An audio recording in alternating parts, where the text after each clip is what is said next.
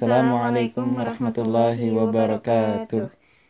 Halo semuanya, kembali lagi bersama kami di Dengerin Siro. Hari ini kita bakal bahas episode 25 tentang Perang Tabuk.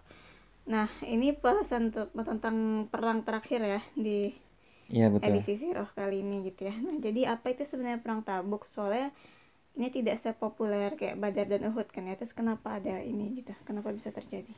Jadi perang Tabuk betul dia itu perang terakhir yang Rasulullah SAW itu terlibat langsung ya. Oke. Itu perang Tabuk itu terjadi enam bulan setelah uh, penaklukan Mekah dan perang Hunain waktu itu. Jadi setelah setelah dari perang Hunain Rasulullah SAW dan kaum muslimin pulang ke Madinah, yang tinggal di Madinah pulang ke, ke Madinah. Terus kemudian enam bulan setelahnya uh, ada perintah untuk berangkat ke Tabuk. Nah itu alasannya kenapa ada perang ini itu nggak ada yang eksplisit dijelaskan beda kalau Badar dan Uhud ya. Kalau Uhud karena memang diserang kalau Badar tuh karena ingin uh, apa istilahnya merampas kembali harta yang ada di karavannya Abu Abu Sufyan. Nah kalau perang Tabuk ini nggak ada perintah yang eksplisit atau bukan nggak ada alasan yang eksplisit ya. Nah ada beberapa teori. Misalnya karena kaum Romawi menyerang. Jadi disebut ada kaum Romawi sudah mengumpulkan pasukan yang besar mereka ingin menyerang Madinah. Nah di sini sebenarnya nggak masuk akal karena Romawi waktu itu ya mereka masih meremehkan itu. Mereka masih meremehkan kaum muslimin dan bangsa Arab ini apaan? Nggak nggak jelas orang-orang ini. Bahkan ketika Khalid bin Walid datang ke Romawi dan Persia itu mereka ditawarkan nih ini aku kasihlah kalian emas gitu. Uh, biar kalian pulang gitu. Iya, iya. kami nggak ada urusan sama kalian gitu. Diremehkan gitu ya. diremehkan. Nah jadi teori yang it- tadi uh, nggak masuk akal. Terus ada juga yang uh, teori lain bahwa kita ingat suku Ghassan yang dia tuh uh, sekutunya Romawi. Dia pun juga uh, uh, mengangkat pasukan apa istilahnya? Uh, mengumpulkan pasukan untuk menyerang kaum muslimin dan, dan ini sebenarnya juga bisa jadi tapi uh, nggak ada ini apa istilahnya? Nggak ada solid proof lah. Cuman ada uh, omongan-omongan bahwa kaum Ghassan ini suku yang tidak friendly ya. Nah, tapi sebenarnya kita lihat di surat Taubah ini alasan yang kemungkinan paling kuat. Itu bahwa ini memang pure perintah dari Allah Subhanahu wa taala. Jadi ini adalah tahun-tahun terakhir Rasulullah SAW dan kaum muslimin ingin sama Allah diuji untuk meningkatkan iman mereka dan juga untuk mempersiapkan mereka uh, untuk perangan perangan-perangan yang akan uh, mereka le- lewati beberapa tahun ke depan. Surat apa atau bah ya? Taubah ya betul. Jadi surat Taubah ini banyak membahas tentang perang Tabuk. Hmm. Dan perang Tabuk ini uh, disebut juga sebagai pasu uh, jadi selain Ghazwat Ghazwatul Tabuk atau perang Tabuk itu juga disebut sebagai Jaisal Us uh, Jaisah Usrah. Jadi pasukan yang susah. Kenapa susah? Karena ini terjadi di uh, di musim-musim musim panas. Hmm. Jadi bulan Agustus lah. Dan namanya musim panas ya sa- sangat panas apalagi di uh, ini ya padang pasir apalagi padang pasir Ar- Arabia Hmm. dan kebetulan juga itu adalah musim panen Hmm. Jadi musim panen ini kita harus eh, kita harus pahami bahwa apalagi untuk ini ya peradaban ag- agri, eh, agritarian ya Hmm. itu source of income itu cuma ada saat panen Hmm. dan eh, selain juga yang pemilik tanah mereka juga orang-orang yang pekerja harian ya misalnya eh, buruh dan lainnya itu mereka mendapatkan mas- pemasukannya itu di bulan-bulan panen ini jadi kalau misalnya ada perintah untuk mereka meninggalkan itu semua berarti mereka meninggalkan uh, pemasukan mereka yang untuk, bisa jadi untuk satu tahun gitu. Untuk satu tahun depan mereka nggak punya pemasukan lain selain dari panen ini. Jadi benar-benar ujian dari Allah Subhanahu Wa Taala untuk mementingkan apa uh, perintah Allah Allah dan Rasulnya atau uh, harta dan kenyamanan. Jadi sini benar-benar kita lihat uh, ujian yang Allah berikan ke kaum muslimin. Iya. Oke, nah lalu persiapannya apa aja nih gitu? Nah, jadi Rasulullah SAW uh, mewajibkan ya, jadi fard fard ain untuk seluruh Hmm. uh, seluruh uh, muslim laki-laki yang umurnya ya, cukup umur untuk berangkat. Dan karena emang ini jauh ya, uh, ini perang paling jauh yang dialami yang dilewati oleh Rasulullah SAW, maka semuanya harus uh, menggunakan ini pakai unta, nggak mungkin jalan kaki lagi. Hmm. Nah, jadi persiapannya itu ut- utama ya ini ya, uh, makanan, minuman dan juga uh, logistik lain seperti apa tunggangan. Jadi unta tuh hampir harus uh, harus punya. Jadi bahkan ada beberapa sahabat yang mereka tuh menangis karena mereka nggak punya unta dan mereka nggak punya uang untuk meminjam unta atau uh, mendapatkan unta dari tempat lain. Hmm. Jadi mereka disebut mereka disebut sebagai bakaun orang-orang yang menangis. Dan di sini Rasulullah SAW menggalang dana ya. Jadi untuk uh, membiayai pasukannya. Jadi setiap orang membiayai, membiayai diri sendiri, tapi juga untuk seluruh pasukan ada harus ada biaya bersama. Dan di sini beliau uh, menggalang dana secara besar-besaran. Dan kita sini lihat ya uh, salah satu kompetisi yang mungkin sering, sering kita dengar itu kompetisi antara Umar dan Abu Bakar radhiyallahu anhuma. Jadi Abu Bakar uh, Umar bersemangat itu ya. Hari ini saya bertekad untuk mengalahkan Abu Bakar. Saya saya yakin hari ini bisa mengalahkan Abu Bakar. Nah, kemudian Umar datang ke Rasulullah SAW dan mengatakan bahwa ya Rasulullah saya sudah menyumbangkan setengah dari harta saya. Nah, dengar nggak ya ceritanya? Iya, pernah. Nah, terus kemudian Umar merasa udah ini ya, eh, nggak uh, mungkin lah aku dikalahkan. Dan ternyata Qadarullah datanglah Abu Bakar dan dia dan beliau menyumbang seluruh hartanya. Masya Allah Tabarakallah. Dan Rasulullah SAW bertanya ke Abu Bakar eh, apa yang kamu tinggalkan untuk keluargamu? Dan Abu Bakar menjawab aku tinggalkan Allah dan Rasulnya. Hmm. jadi di sini kita melihat uh, imannya Abu Bakar ya. Dan sebenarnya di sini itu adalah target buat kita. Bukan bukan untuk kita kemudian menyumbangkan 100% dari harta kita. Karena sahabat sebesar Umar pun itu nggak bisa eh, dan nggak diizinkan oleh Rasulullah SAW seperti itu tapi memang uh, untuk menyemangati, kita agar kita lebih uh, dalam memberi ke uh, ke jalan Allah Subhanahu wa taala. Terus kemudian ada juga sahabat-sahabat lain yang mereka tuh nggak punya apa pun kecuali segenggam kurma gitu. Dan itulah yang mereka sumbang ke pasukan ini. Dan justru uh, dengan ini kaum munafikan tuh mulai meledek mereka tuh ya. Sahabat-sahabat yang miskin. Ya, dan mereka diledek oleh kaum munafikun. Dan di sini kita melihat bahwa jahatnya orang kaum munafikun. Mereka tidak menyumbang apa pun tapi orang yang menyumbang malah di malah diledek. Jadi benar-benar mereka ini uh, orang-orang uh, yang uh, tidak tidak punya hati nurani gitu ya. Hmm, ya. Jangan hmm. sampai kita kayak gitu gitu ya. Hmm. kemudian nah ini kan dinyatakan wajib ya. Terus apakah jadinya semua sahabat berangkat? Itu sebentar ini tuh sebenarnya perangnya di mana sih? Oh ya maaf jadi Tabuk itu di bagian utara uh, Saudi Arabia. Jadi kalau sekarang di Saudi Arabia itu ada kota namanya Tabuk. Nah Tabuk hmm. itu pas zamannya Nabi itu nggak ada kota di sana atau nggak ada nggak ada pemukiman yang tetap lah. Hmm. Nah, tapi kemudian Rasulullah SAW saat menetap di sana beliau mengatakan kepada ke sahabat bahwa tanah ini akan kemudian menjadi hijau dan menjadi subur. Hmm. Nah sekarang kita melihat ya Tabuk itu sekarang kota besar di Saudi oh, Arabia. Okay. Jadi ada sekitar 500 ribu orang penduduknya. Hmm. Dan saya alhamdulillah waktu itu sempat pernah juga nginep di Tabuk. Waktu itu jalan-jalan ya nih. Uh, dan itu memang kota ini, kota udah kota besar sekarang. Hmm. Jadi benar itu uh, sesuai prediksi Nabi bahwa kota hmm. itu akan menjadi subur dan uh, banyak penduduknya. Oke, okay. Insya Allah ya. Oke lanjut lagi tadi. Jadi apakah semua sahabat berangkat? Nah itu, masya Allah uh, yang berangkat tuh dalam buku-buku sirah ada menyatakan 30 ribu orang. Hmm. jadi nggak cuma yang di Madinah tapi juga suku-suku sekitar Madinah. Ada yang menyatakan uh, tapi mungkinan secara realistis mungkin 15-20 ribu orang. Ya walau alam.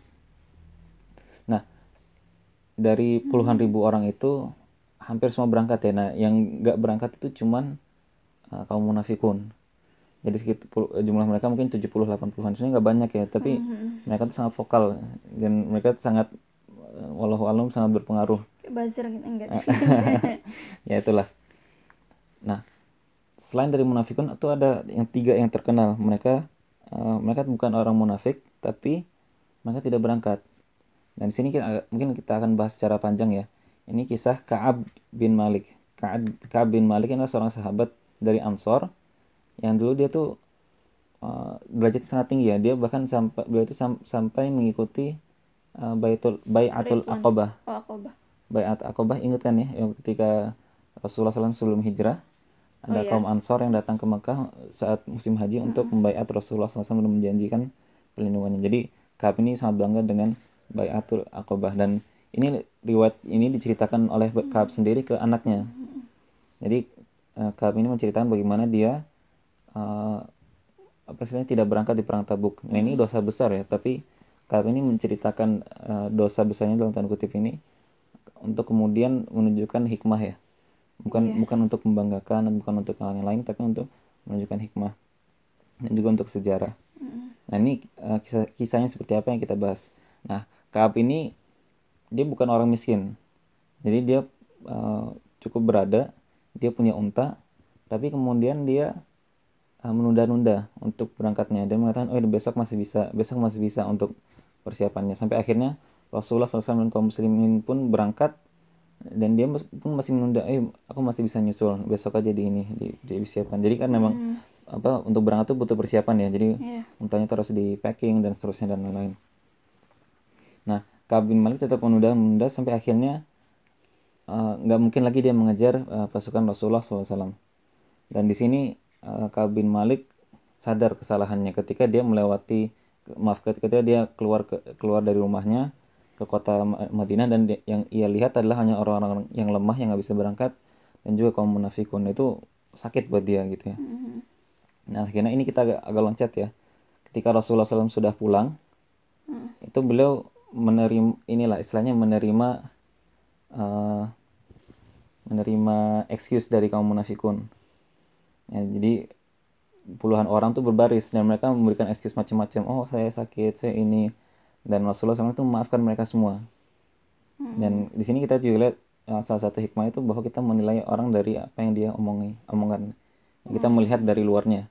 Ya, dan yang di dalam hati mereka itu kita serahkan ke Allah Subhanahu wa taala. Hmm jadi kalau orang mengatakan baik ya udah kita anggap saja dia emang orang baik tanpa kita uh, misalnya uh, membidik apa yang dalam hatinya iya iya bang tidak perlu mengupas apa yang ada dalam hatinya gitu ya iya betul. ya, apa mencari-cari tahu. Ya tapi kalau misalnya orang melakukan apa istilahnya keburukan bisa jadi ya kita harus nonton ya. Iya. Nah, kita menilai itu tidak baik tapi kita juga harus nonton mungkin dia ada alasan sesuatu.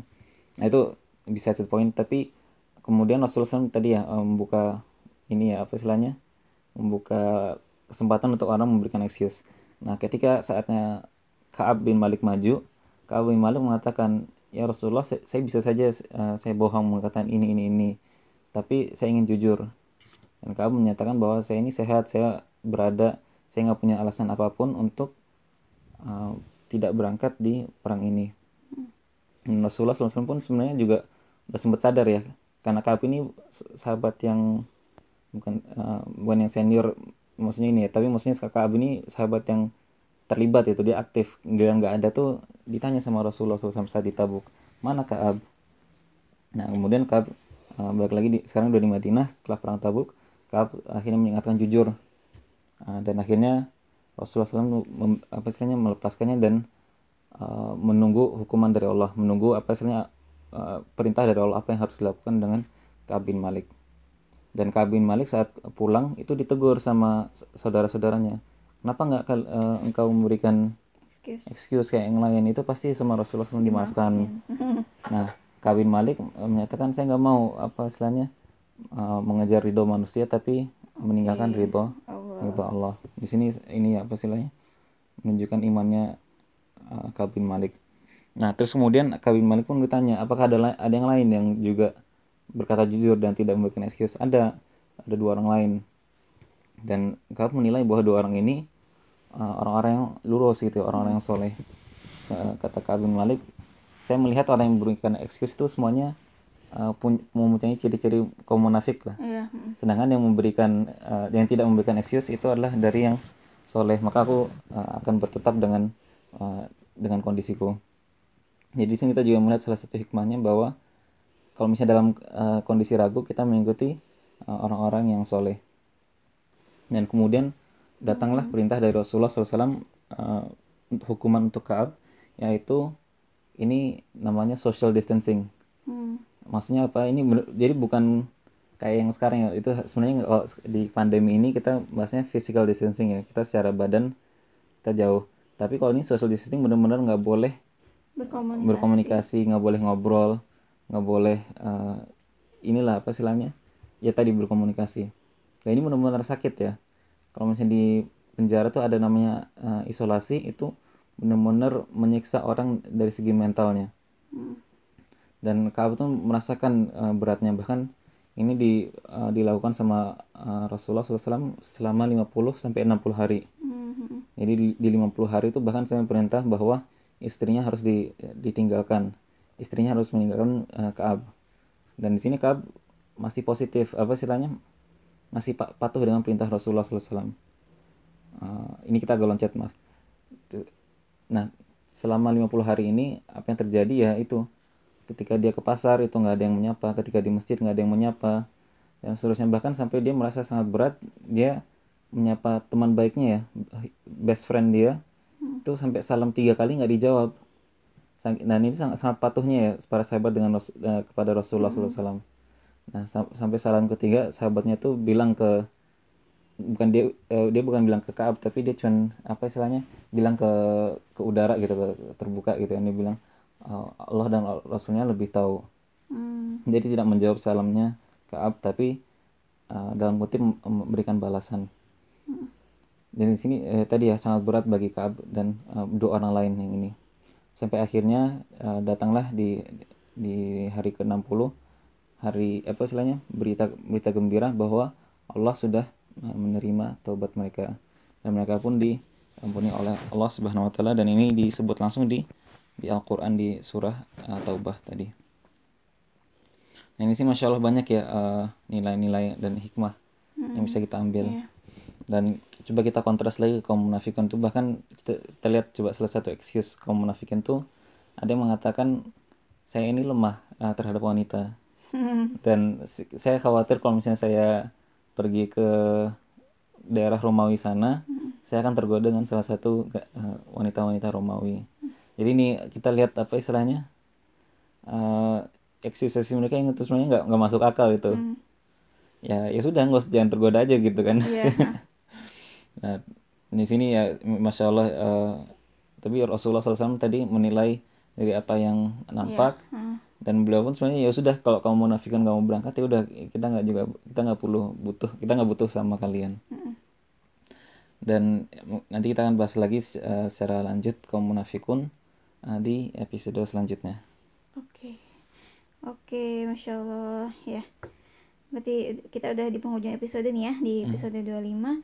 Itu Berarti ini tadi lebih tentang persiapan atau mungkin behind the scene ya atau kisah-kisah di di balik perang Tabuk itu sendiri. Ternyata alhamdulillah ceri- eh, hikmahnya banyak banget. Tadi udah disebutkan juga sama Khalid beberapa ya. Kayak bahayanya menunda-nunda yang dari kisah Ka'ab bin Malik terutama nih ya banyak hikmahnya. Terus juga bahwa masa lalu yang cemerlang bukan berarti ke depannya akan selalu cemerlang. Karena tadi kan Kaab ini generasi ini ya yang Bayatul Akobah gitu. Betul. tapi akibat dia menunda-nunda jadinya seperti ini gitu. Tapi eh, ya beliau alhamdulillahnya jujur gitu ya. Lebih mementingkan artinya lebih mementingkan ridho Allah di atas ridho manusia dan manusia. Dan akhirnya setelah dihukum pun taubatnya diterima alhamdulillah gitu. Terus juga kita juga belajar bahwa ketika dalam kondisi ragu-ragu mau tadi kan mau excuse apa enggak eh, akhirnya kita memilih eh, eh, beliau Kaab memilih mengikuti orang-orang yang soleh gitu ya. Terus juga apalagi ya? Oh ini yang ini bahwa ini kan diceritakan sendiri oleh Kaabnya ya atau oleh Iya anaknya betul. Kaab ke oleh anaknya terus Kaabnya anaknya pun anaknya oh, meriwayatkan. Nah, mereka meriwayatkan kisah tentang dosa nih. Nah, artinya ini menunjukkan meriwayatkan dosa ini boleh asal niatnya untuk mengambil hikmah gitu ya atau Iya. memberi hikmah ke orang lain gitu ya. Iya. Jadi secara umum tuh eh, kita tidak boleh menceritakan dosa kita. Betul. heeh. Jadi ada hadis Rasulullah SAW mengatakan bahwa semua dari umatku akan diampuni kecuali yang mengumumkan dosanya. Ngomong, ya, udah ditutup aibnya terus diumumin gitu Iya ya. betul. Jadi salah satu hikmah kenapa kita harus menutupi dosa kita itu agar itu tidak eh, terjadi no- normalisasi terhadap dosa-dosa ini. Iya. Jadi misalnya kita lihat sekarang banyak di eh, masyarakat kita di kaum eh, kaum muslimin di Indonesia itu banyak eh, dosa-dosa eh, hubungan antar lawan jenis dan ini kenapa banyak kenapa marak karena sudah itu sudah normal sudah dinormalisasi. Nah, Makin banyak eh, tayang di TV dan seterusnya itu makin normal dan makin biasa. Bahkan orang yang tidak melakukan itu justru dianggap tidak normal atau ketinggalan. Hmm. Jadi itu satu hikmah kenapa kita tidak boleh Mengumbar eh, dosa. mengumbar dosa. Jadi untuk kemudian kita istilahnya cerita tentang dosa kita bukan untuk pamer, bukan untuk uh, normalisasi untuk tapi untuk me- mengambil hikmah dan memberikan hikmah ya itu uh, dibolehkan Oke, dan terakhir tadi eh, Nabi Muhammad ya Shallallahu Alaihi Wasallam ketika menerima excuses dari para munafik, beliau menilai orang dari apa yang dikatakannya saja gitu ya. Eh, jadi apa tidak mengupas-ngupas kayak dia bohong deh coba-coba di kayak apa sih kayak Telusuri. acara gosip gitu ditelusuri itu sampai kulit apa dalam-dalamnya gitu bener nggak dia sakit Coba Iya. ada surat kesehatan ya? nggak nggak ya jadi ya begitulah Eh, masya allahnya ya Eh, oke sekian dulu di episode 25 langsung aja nanti kita lanjut ke episode 26 bisa diklik langsung ya. Oke terima kasih. Assalamualaikum warahmatullahi wabarakatuh